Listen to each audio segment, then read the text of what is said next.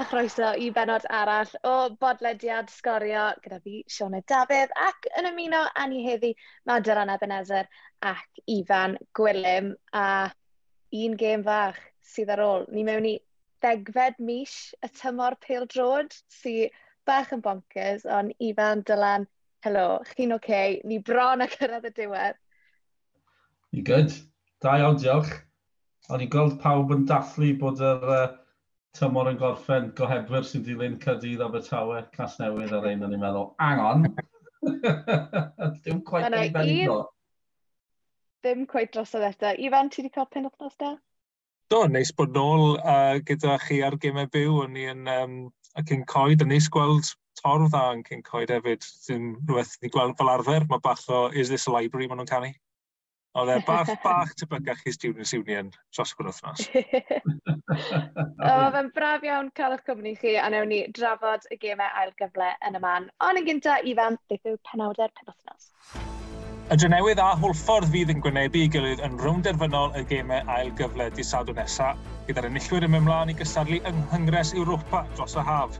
Y ddau dîm, fel y dytholion isaf, wedi gorfod ennill oddi cartre i gyrraedd y ffeinal, Y Drenewydd yn curo'r bala o bedair gol i ddwy ar faes tegid nos Wener, ac yna hwlffordd angen cicio'r smotyn i giro met Cyrdydd i'r Sadwn wedi gêm di-sgôr ar gampws Cyngoed. Ie, yeah, rown gynderfynol y gemau ail gyfle, a dwy gêm hollol wahanol i'w gilydd. Un llawn goliau, a wedyn ni y llas yn un tin, a'r golwr Zach Jones oedd seren y gêm i hwlffordd yn erbyn Met Cyrdydd. Ond nawn ni dechrau y maes tegid, y bala yn colli o ddwy gol i bedair yn erbyn y dre newydd. Tîm Chris Hughes yn fuddigol. Dylan, o ti'n e, o ti'n gweithio ar y gêm gyda ni, be o dargraffiadau di o'r gêm? Mae'r dre newydd, just, maen nhw'n dylio'r gêm ail gyfle. Ydyn, nes i rili fwynhau, o'n i'n sylwebu yn uh, Saesneg, The Cade McLagan, nath o ddoen i fwynhau. Um, oedd hi'n agored iawn, hynod o agored, a ni'n meddwl bod dre newydd yn gwbl heiddiannol yn ennill, ond oedd Bala just dal yn ddi, just mwy na lai, mae'r ffaith bod nhw'n beryglis o cicio rhydd a cicio gosod y gati, oedd, oedd rhyw fygythiad gyda nhw, ond o ran patrwm y gêm, oedd dre newydd lot gwell mm. nhw, o'n i'n meddwl. Oedd um, Walker a Cowans yn ganol cael, ffantastig. Walker yn enwedig, gath e gêm wych A maen nhw'n edrych fel tîm sy'n cael ei efforddi'n dda, maen nhw'n gwybod beth maen nhw'n neud, maen nhw'n gynllun na, maen amddiffyn yn nabod i gilydd ers 20 mlynedd. Na, ond nhw'n heiddi ennill, ond nhw'n heiddi ennill. A John, oedd Bala dal i tir. Credu maen nhw wedi sredig mas o stem, oedd fe gormod o anafiadau. Mm. Gormod o chwaraewyr yn heneiddio gyda nhw pwy o oer, ond uh, nes i glywed ti'n holi Colin Caton ar y diwedd. Mae fe'n gweud bod e yn dod yn ôl tyfo nesaf. Felly, yeah, fi'n gwybod. I gymlynedd, o domesticated, mae lle bod pawb eisiau newid, ond dwi'n swnio fel bod yn mynd i ddigwydd. Nes i werthyn achos rownd arferol Cwpan Cymru, nes i ofyn Colin Caton os yw'r tymor yma wedi bod yn dymor siomedig i'r bala, a nath e completely angytuno gyda fi a gweud na, a wedyn nes i ofyn yr un cwestiwn iddo fe, ar ôl i nhw golli'r dre newydd, a wedodd e, yes, we've underachieved this season. So, ond ifan o ran y bala, so mae Caton wedi dod mas yn cyhoeddus, a mae fe wedi gweud bod e ddim yn bwriadu gadael, bod e'n mynd i fod yna tymor nesaf, Ond yw e'n timlo fel diwedd cyfnod i'r bala, mae yna rhyw fath o bron ail adeiladu sy'n goffod digwydd o ran y garfan, achos fel nath Ebsi sôn, mae nhw, eisiau coes y ffres, dde. Eisiau falle cwpl o, mo, spring chickens. Ond fi'n credu bod hwnna di, mae angen hwnna nhw ers spel, so gen i weld os ydy'n ddiwedd cyfnod, achos fi'n credu bod angen bach o waid newydd yna, ond mae nhw wedi bod yn pwysio am yr ail safle tipyn, a ti'n meddwl, o, oh, so ddim nhw'n mynd i fygwth y seinti newydd ar y brig, ta'r bala bydde wedi bod yn erbyn hyn. Mae nhw'n mm. teimlo fel sy'n eitha pell o fod y rheina sy'n mynd i fod yn bygwth y seinti newydd ar y brig. Felly, ie, yeah, fi'n credu bod angen um, diwedd cyfnod.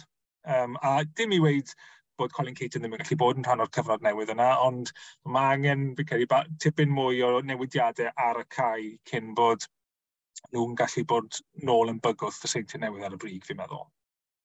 Ie, yeah, ond nhw'n spel fa, ond nhw'n bell ti ôl, nag nhw, erbyn diwedd, mm. i fod yn oll onest, na'r gwirionedd, felly mae'n, fi ddim yn gwybod beth, beth maen nhw eisiau, beth yw mesur llwyddiant da, dyn nhw ddim yn mynd i Ewrop, trwethau iddyn nhw ddim cyrraedd Ewrop, nhw'n gollon nhw'n ebyn Met, a di cysmodyn mhm. mm -hmm. yn y bala. Di sôn nhw'n ôl tymor wedyn ni yn grif i fod yn deg, felly mae'n bwysig mm. rhoi'r... Uh, Sa'n chi'n meddwl beth yw benefit of the doubt yn Gymraeg. Pwy oer, ond mae'r dystiolaeth i gyd yn awgrymu. O, bod nhw ddim yn mynd i fod yn agos unwaith eto. Mae'n um, mae ddifur, to, yn o'n bumed tymor yma, sa'n nhw'n gallu gwneud y mas, bod nhw'n 39 pwynt tu ôl, sa'n ti newydd, mae'n bell tu ôl. So be mae'r perchnogion sy'n taflu arian mewn eisiau? Um, hmm.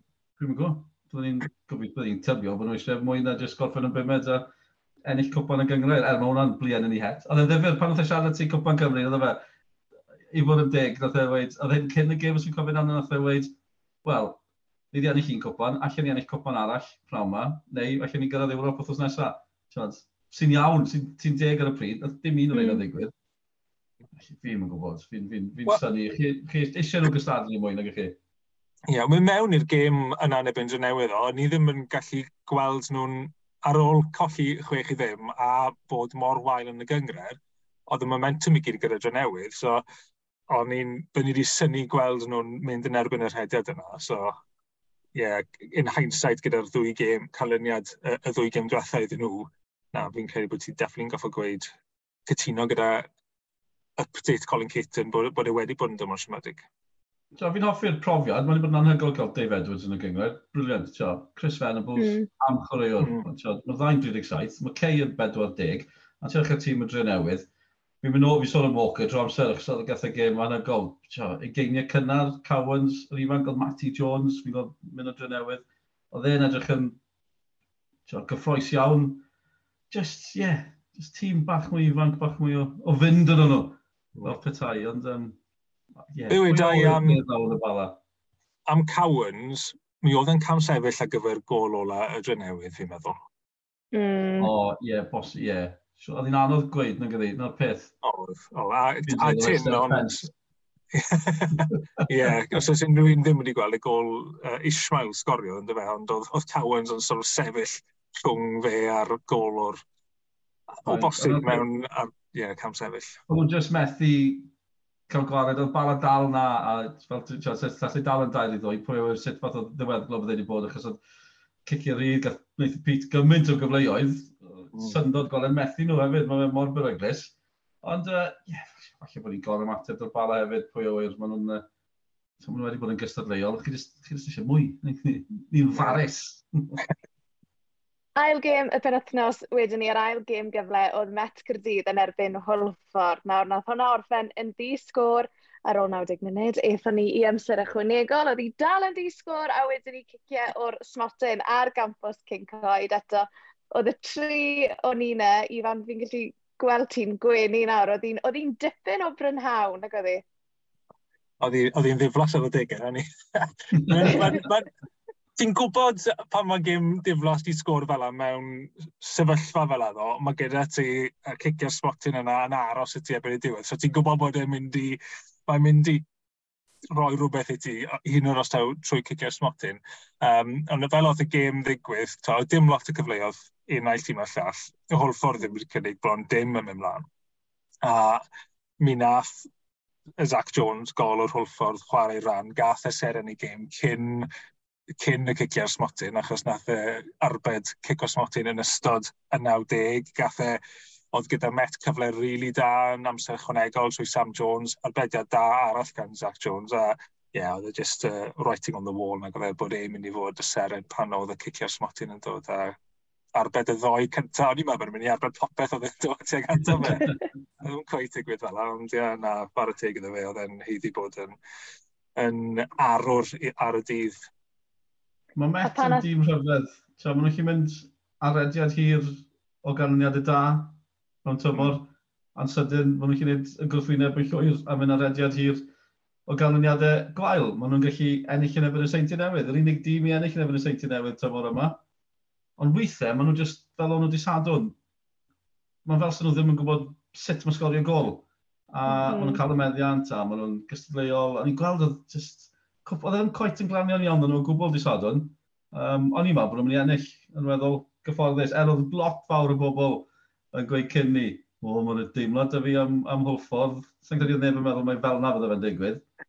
Ond ie, yeah, mae ni, um, ni dipyn o rwnd derfynol, dim syniad sy'n mwyn fynd. Ond o ran hwlffordd yn gloi i fan, ti'n nhw oedd yn y chwech isa, just twyd, o'n i'n sôn am oedd y momentum gyda'r dre newydd, ond oedd y momentum yn sicr gyda hwlffordd ddim yn mewn i hon, bydd saith gêm heb golli rhywbeth fel yn credu oedd i record nhw. A hefyd y ffaith, oedd dim pwysau'r hwlffordd yn erbyn Meth Cyrdydd, ar bapur pawb yn disgwyl Meth Cyrdydd i ennill hon. Hwlffordd oedd yr underdogs, a mewn ffordd yn credu o bosib nath hwnna siwto nhw? Ie, yeah, fi'n credu ti am e. Fi'n credu, falle bod hwnna'n fwy o ffactor na'r ffaith bod nhw heb golli mewn saith, achos fi'n credu fel rhan o'r rhediad yna, oedd gyda nhw bach gormod o gemau cyfartal, yn wedi yn erbyn mm. tîmau fel Aberystwyth a Cynarfon oedd wedi bod yn stryglo yn y chwech isa. Ond ie, yeah, fi'n credu ti'n iawn, falle bod yr diffyg pwysau yna um, wedi bod yn help a, a bod wedi galluogi nhw i, i fod yr underdogs a plygu underdogs na ar y dydd a just cadw met mas a wel, yn diwedd, dibynnu ar, ei, ar y golwr a war y teg iddo fe. A ie, yeah, sa'n gwybod beth sy'n mynd i ddigwydd yn y rownd nesaf, ond um, falle fel yn the dogs mae'n mynd i helpu nhw eto, achos mae'r pwysau ar y dre newydd nawr fel y tîm cartre, fel y tîm mm. oedd yn y chwech ucha, i, a'r tîm sydd wedi cael record gwych yn uh, rowndiau, y gemau al gyfle yn y goffennol i, i fod yn ennill, ond ie, yeah, falle bydd Hwlffordd yn creu sioc arall. Felly, y rownd derfynol sy'n digwydd dydd Sadwn yma, y dre newydd, yn erbyn Hwlffordd. Um, gwarter wedi pimp ar ddydd Sadwn yn y dre newydd, yr enillwyr yn mynd i gystadlu yng Nghyngres Ewropa. Nawr i ddechrau, nath y dre newydd uh, ryddhau datganiad bod y ddau glwb wedi dod i gytundeb y bydd mynediad am ddim i bawb ar gyfer y rownd derfynol. I ni yn ymwybodol bod dros mil o docynnau wedi harchebu yn barod ar gyfer y prynhawn. Dylan, syniad da? Ah, ffantastig. Um, O'n i'n siarad gyda rhywun yn gêm Aberystwyth, y gêm wallgon o diwedd y tymor, achos dros mil fyna. Mm. A nhw mm. wedi gwneud ymdrech i fynd o gwmpas y cyngreiriau lleol gyda'r plant, a jyst cael nhw mewn na, a weithiau chi'n meddwl, mae'n well cael mil yn dod mewn am ddim ac yn gwario arian o gwmpas y maes ar fwyd y diods na 200 yn talu deg pint. Fi'n gwybod, falle bod Mathin mm. warthus. Falle bod yn well cael, falle bod yn well cael 200 yn talu deg pint na mil yn dyfod yn Ond mae mor braf gweld nhw'n uh, trio rhywbeth fel hyn. Ie, yeah, jyst denwch bobl mewn, rwch bwyd, os oes rhywbeth na i, i denu diddordeb. Mwy na jyst y gym, mae angen, tiod, mae angen i'r mm. bwyd fod yn ei. Mae angen i'r, tiod, mae'r gylch fod yn wych, mae angen i'r ymdrech, a mae rhywbeth fel hyn, mae'n ma ffantastig. Ie, Um, ie, yeah, chwarae teg, eto, fi dylai drwy newydd ennill, ond mae'n mae syndod Mae rhyw deimlad rhyfedd o gwmpas Holford nag oes e. Ond mae unrhyw beth sy'n cael cefnogwyr mewn. A ni wedi gweld, oedd tipyn o sŵn yn y, yn y bala, uh, boes ifanc drenewydd gyda drwm. Oedd pawb gyda drwm. Fi'n credu, felly bod y gymaint o sgol drwm wedi bod yn buddsoddi mewn drymiau. Cos oedd boes ifanc bala gyda drwm hefyd, oedd yna ddrymiau yn uh, Met dydd uh, Sadwn hefyd. Mwy o drymiau, na fyny, she bangs the drums, na fyny angen. Ie, yeah, Ifan, jyst i ategu at y torfeidd tyma, fe wedi bod mor, mor ffab gweld torfeidd gwell na'r arfer ar gyfer yr gynderfynol, oedd bron i, bron i ryw 600 o bobl yn cyn coed a dydd sadwrn hefyd. Ie, Um, yeah, fel ti wedi sôn, oedd e bach, yeah, bach mwy o fywyd. Mae'n teimlo, mwy gyda llaw, mae'n rhaid i wneud. Fi'n gwybod, mae'n bod yn cwpl weithiau a meddwl bod ti'n 50 na, a mae'r ffigurau yn cael ei coeddi, bod cwpl y ganodd. Mm. Ond pan fi wastad yn cael ei anghywir, ond na, oedd yn, oedd yn well, fel oedd oedd i fan, bach mwy fel student union i fan. Ond ie, yeah, a beth da yn y ddwy gêm na oedd bod y tîm oedd y cartre, sydd yna, wel, y Drenewydd a hwlffodd rai sy'n mynd trwy dda, wedi chwarae rhan yn, mm. yn yr torfeidd yna, a oedd tipyn o hwlffodd yn cyncoed, o'n i'n gallu gweld ar, ar y sgrin bod yna tipyn o Drenewydd yna. Tipyn o rai pobl neutral hefyd, o'n i'n gweld Rhys Griffiths, rheolwr Pen y Bont, o'n i weld Lee Kendall, rheolwr Bari, lot o chwaraewyr y clybiau yna hefyd. James Kinsella, o'n i wedi cwrdd y gynt yn y tymor rheolwr Cwmbran Celtes, So, tipyn o neutrals yna hefyd, ond ie, yeah, lot fawr o hwlffordd, a fi siŵr bydd yna lot o hwlffordd yn mynd lan i Drenewydd. A o ran cael pobl mewn am ddim, fi'n gwybod, mae'r ma, penderfyniad yn goffo cael ei wneud ar y cyd, achos fel y, y, mae'r rhwng dyfynol, yr gymau gyfle, maen nhw'n rhannu'r gat yna gynnu nhw'n 50-50, so mae rhaid ti cael cytundeb rhwng y ddau glwb cyn bod ti'n gallu gwneud penderfyniad fel yna. Ond gobeithio dod bod e'n mynd i helpu, nid yn unig fel y dylan yn gweud am ti pobl yn gwario arian ar burgers neu paint neu be bynnag, ond hefyd cael nhw mewn eto yn y dyfodol tymor nesaf, bod nhw'n mynd i mewn, wel, ges i amser da, oedd yn awrgylch da, falle mwy cyfle i gael repeat customers, achos dyna beth ni eisiau, ni moyn gweld mil neu 600 yn cyncoed neu bain bynnag yn gyson. Yn ni'n cael nhw ar one-offs, ond ni jyst ta cael e ar uh, nos fawrth oer yn mis Rhagfyr o'r broblem yma. Ie, yeah, mae fe'n tegu, be bynnag eich barn chi am y fformat ar deuddeg, mae'r ma, ma busnes gemel gyfle ddiwedd y tymor yn ffantastig, a diolch beth bod yna wobr Ewropeaidd ar ei diwedd tymor yma unwaith eto, bod yna bedwar lle yn Ewrop yn ôl, achos A ni bach yn anodd tymor diwetha, nag oedd i fi'n gwybod, Cynarfon yn gallu mynd i chwarae'n hopan er yr Alban, ond mae hwn yn, um, hwn yn teimlo tipyn mwy special.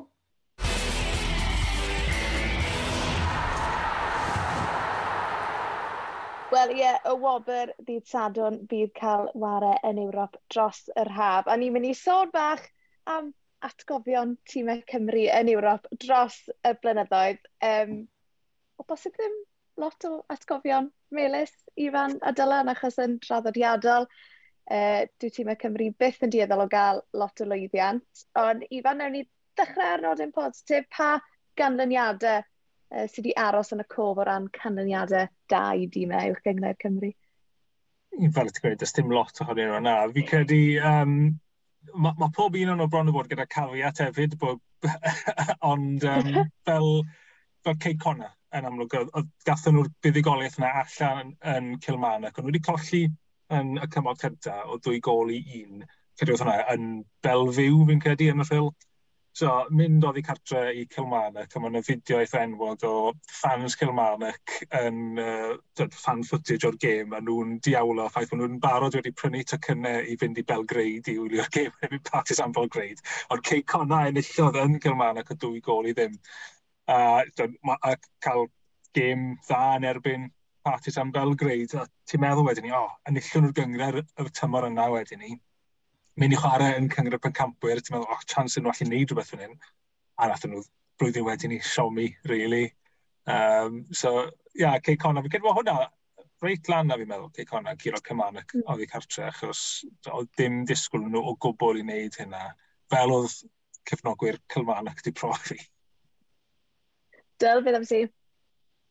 Ie, yeah, a'r peth, fel mae Ifan yn gweud, mae yna gemau mawr di bod, ond falle'r canlyniadau chi eisiau gweld, dwi'n gwybod bod seintiau yn neud yn dda. Ta fe, ni'n rhestru, y clybiau, mae clybiau Cymru wedi chwarae yn erbyn a dros y blynyddoedd. Man City, Lerpwl, Celtic, newid sôn am Kilmarnock, Dinamo Kiev, Porto, mae hwnna'n dipyn o restr, Aberdeen, chi'n daflu hwnna mewn na hefyd. Mae'n bonkers, mae'n chi'n restru nhw fel yna hollol, hollol bonkers. Excited sydd wedi cael rhan fwyaf o'n nhw, a wedi colli Man City ar un a Lerpol, ond mae jyst yn... Mae wedi bod yn gret. Mae'r ma gyngred wedi cael gymaint o gyfleoedd drwy chwarae yn Ewrop. Fi ddim quite y siŵr os ni wedi gwneud y mwyaf ohono fe. Um, mm. So, Cwmbran oedd y cyntaf. Fi'n cofio'r cyffro adeg ni pan mae'n allan o'r gyngred am y tro cyntaf, ar y Cork City. O'n nhw bron neud i hefyd, nath ddim coet digwydd, ond mae'n nosweithi mawr wedi bod Barry yn bendant pan maen nhw'n chwarae Aberdeen, Shevchenko yn chwarae i dyn o Kiev, Porto, fi'n gwybod, mae pawb yn sôn am cysnoganliad y dan rhai nhw, ond nhw wedi colli'r cymal cyntaf, cael eu chwalu mewn rhai nhw. So mae Tom Pentre wedi bod i Ewrop, Aberystwyth wedi bod i Ewrop, mae ma yna gyfleoedd. Ond i'n edrych nôl a meddwl, sgwn i tas y rhywun wedi cael rhyw fath o weledigaeth 30 mlynedd nôl, a mae clybiau'n cael arian o Ewrop, beth tas nhw jyst wedi mynd â hyd yn oed 5% o be bynnag oedd pob clwb yn cael a rhoi yn rhyw pot naill mm. ochr. Mae'n anheg ar y clybiau, ond mae'n ddylio faint o arian byddai'r gyngred wedi gallu buddsoddi nôl yn y gyngred. Felly, clwb yn mynd i Ewrop, rhaid, chi gael, be bynnag chi gael, cwarter miliwn, a mae 5% yn mynd mewn i'r pot yma er mwyn gwella cyfleusterau, neu be bynnag. Mm. Byddwch chi 30 mlynedd o 5% fyna, i siŵr gallu fod yn ei gwaniaeth. Triwch gael y clybiau gytuno i hynny, mae hwnna'n stori arall. Na, gret, mae'n ma wedi bod yn... Ma Dyma, jyst ie, fel ni'n gweud, y canlyniadau eisiau. Fi'n cofio fe mas i Copenhagen gyda cyfyrddin, blynyddoedd yn ôl. Mark Jones yn gofal y tîm, oedd Eiselwood gyda fe. A, o, oh, ffantastig, Copenhagen yn dîm enfawr. A collion nhw y ddwy gol i ddim, ond oedd y gohebwyr lleol, methu credu'r peth, ond yn meddwl mi ennill rhyw deg i ddim. A Rodri Jones, uh, gynt o Man United, oedd mewn y gyngrair yn chwarae na, a nhw'n siarwyddo fe, fi'n cofio. Ond oedd e'n gweud ar ôl ni, oedd hi gefn edrio, e- e- na pam nath e stopio chwarae'n broffesiynol, oedd hi gefn edrych mynd. Kevin Evans yn chwarae'n ganol can, oedd cyfod yn rhoi real game bydd. A oedd Cooper Egan, methu credu'r peth. Mae chi ddwn yn dipyn o'r chlesur, wedi cael treulio amser, draw yn Cooper Egan gyda criw cyfyrddin, nos o'n dda. Llefydd gwaith i fod. Oes, union. O'n i jyst mynd i ofyn o ran y tîmau sydd wedi cyrraedd Ewrop yn amlwg Saint Newydd, Cicona, Hen y Bont a nawr naill e, Hwlffordd neu'r Dre Newydd, ni'n gofyn yr un cwestiwn o ran y seintiau newydd, bod ai dyma'r flwyddyn maen nhw'n mynd i allu just mewn un cam ymhellach. Ond o ran y clybiau eraill, i ni'n gweld, twed, yn amlwg, i ni ddim yn gwybod pwy maen nhw'n wario eto, ond o ran y clybiau neu, ni'n gweld un o'n nhw o bosib yn uh, achosi bach o sioc tramor? Byddwn ni ddim yn syni gweld un o'n nhw'n cael canlyniad, a dod, ennill un gêm, nath dre newydd wneud, tymor diwetha, nath nhw'n ennill yn erbyn Tosham, uh, Faroe Islands, yn do. Um, mm. Byddwn ni ddim yn gallu gweld nhw'n mynd mor bell a cyrraedd grwpiau, uh, achos fi'n credu byddai angen i nhw ennill pedwar tai sydd cynnig bell o afel unrhyw un o tîm y Cymru. Ar un ola, un o gyfer? efo'n enni fan, allu nhw'n swnio'n eich dwy. Mae ma drydedd. Y gwybod nhw'n cyrraedd yr, yr bedwaredd gym, mae'r un ola yna yn sydyn, tio, byddai ti clybiau mawr iawn yn ymddangos. Mae wedi mynd mor anodd yn ddiweddar. Bydde. Ond on, na pam mae'r rhaid i ti edrych ar Cymraeg y Pencampwyr Cymru, achos bod nhw yn chwarae yn, ar y low, top, top cyngref uh, pencampwyr, a wedyn i chael y cyfle i drop o lawr trwy'r mm. gystadlaethau dyna llam, pam tawr pencampwyr yw'r cyfle gorau i cyrraedd. Ond i Ben y Bont, i Hwlffordd sydd heb cystadlu yn Ewrop ers 20 mlynedd bron y bod a pen y bont sydd heb fod na blaen, bydde ennill un gêm yn ffantastig. Mm. Bydde. Bydde. Oedd Rhys Griffiths eich mor apus yn met di sadwn. Dwi'n gwenu lot. Oedd e'n gwenu. Oedd e wrth i fod. Dwi'n mynd i fod yn gweithio llawer. A, a yn sydyn, oedd e wedi A siarad oedd e, gath y sioc fod fi'n sylwebu yn Saesneg y gym uh, y bala. Oedd e'n methu, oedd e'n nabod y llais oedd e'n un sydyn. You were alright, oedd e, na gymryd o'n Rhys Griffiths. A oedd sioc yn ei laisau, e, bach yn insulting. na, oedd e'n ddyn hapus iawn, iawn, iawn bod wedi cyrraedd Ewrop. Sa'n beio fe, mae'n gret gweld nhw. Be sy'n dweud, mae lot o glybiau tramor, fi'n fi, fi sylwi, a fi'n gwybod mae'n cael ei daflu fel esgus gan ambell i glwb yng Nghymru. A, a mae fe'n deg, fel clybiau o wledydd bach chi'n edrych ar gwledydd fel Malta, rhaid ein chi'n meddwl, tiod, mae'n lot o ymlaen, mae'n Malta, mae'n pil droed ac ati, tybeth, tiod, ond mae'n nhw'n sydyn, cyrraedd Ewrop, a just arwyddo llwyth o chwaraewyr am ryw gyfnod byr. So mae clwb, mm. chi'n hmm. gweld bod Clwb o Gymru chwarae clwb o ryw wlad arall, ond falle bod y clwb maen nhw'n gwynebu yn sydyn, di mynd i mas a gwario lot o arian ar gyn chwaraewyr proffesiynol, felly, felly mae yna, anodd.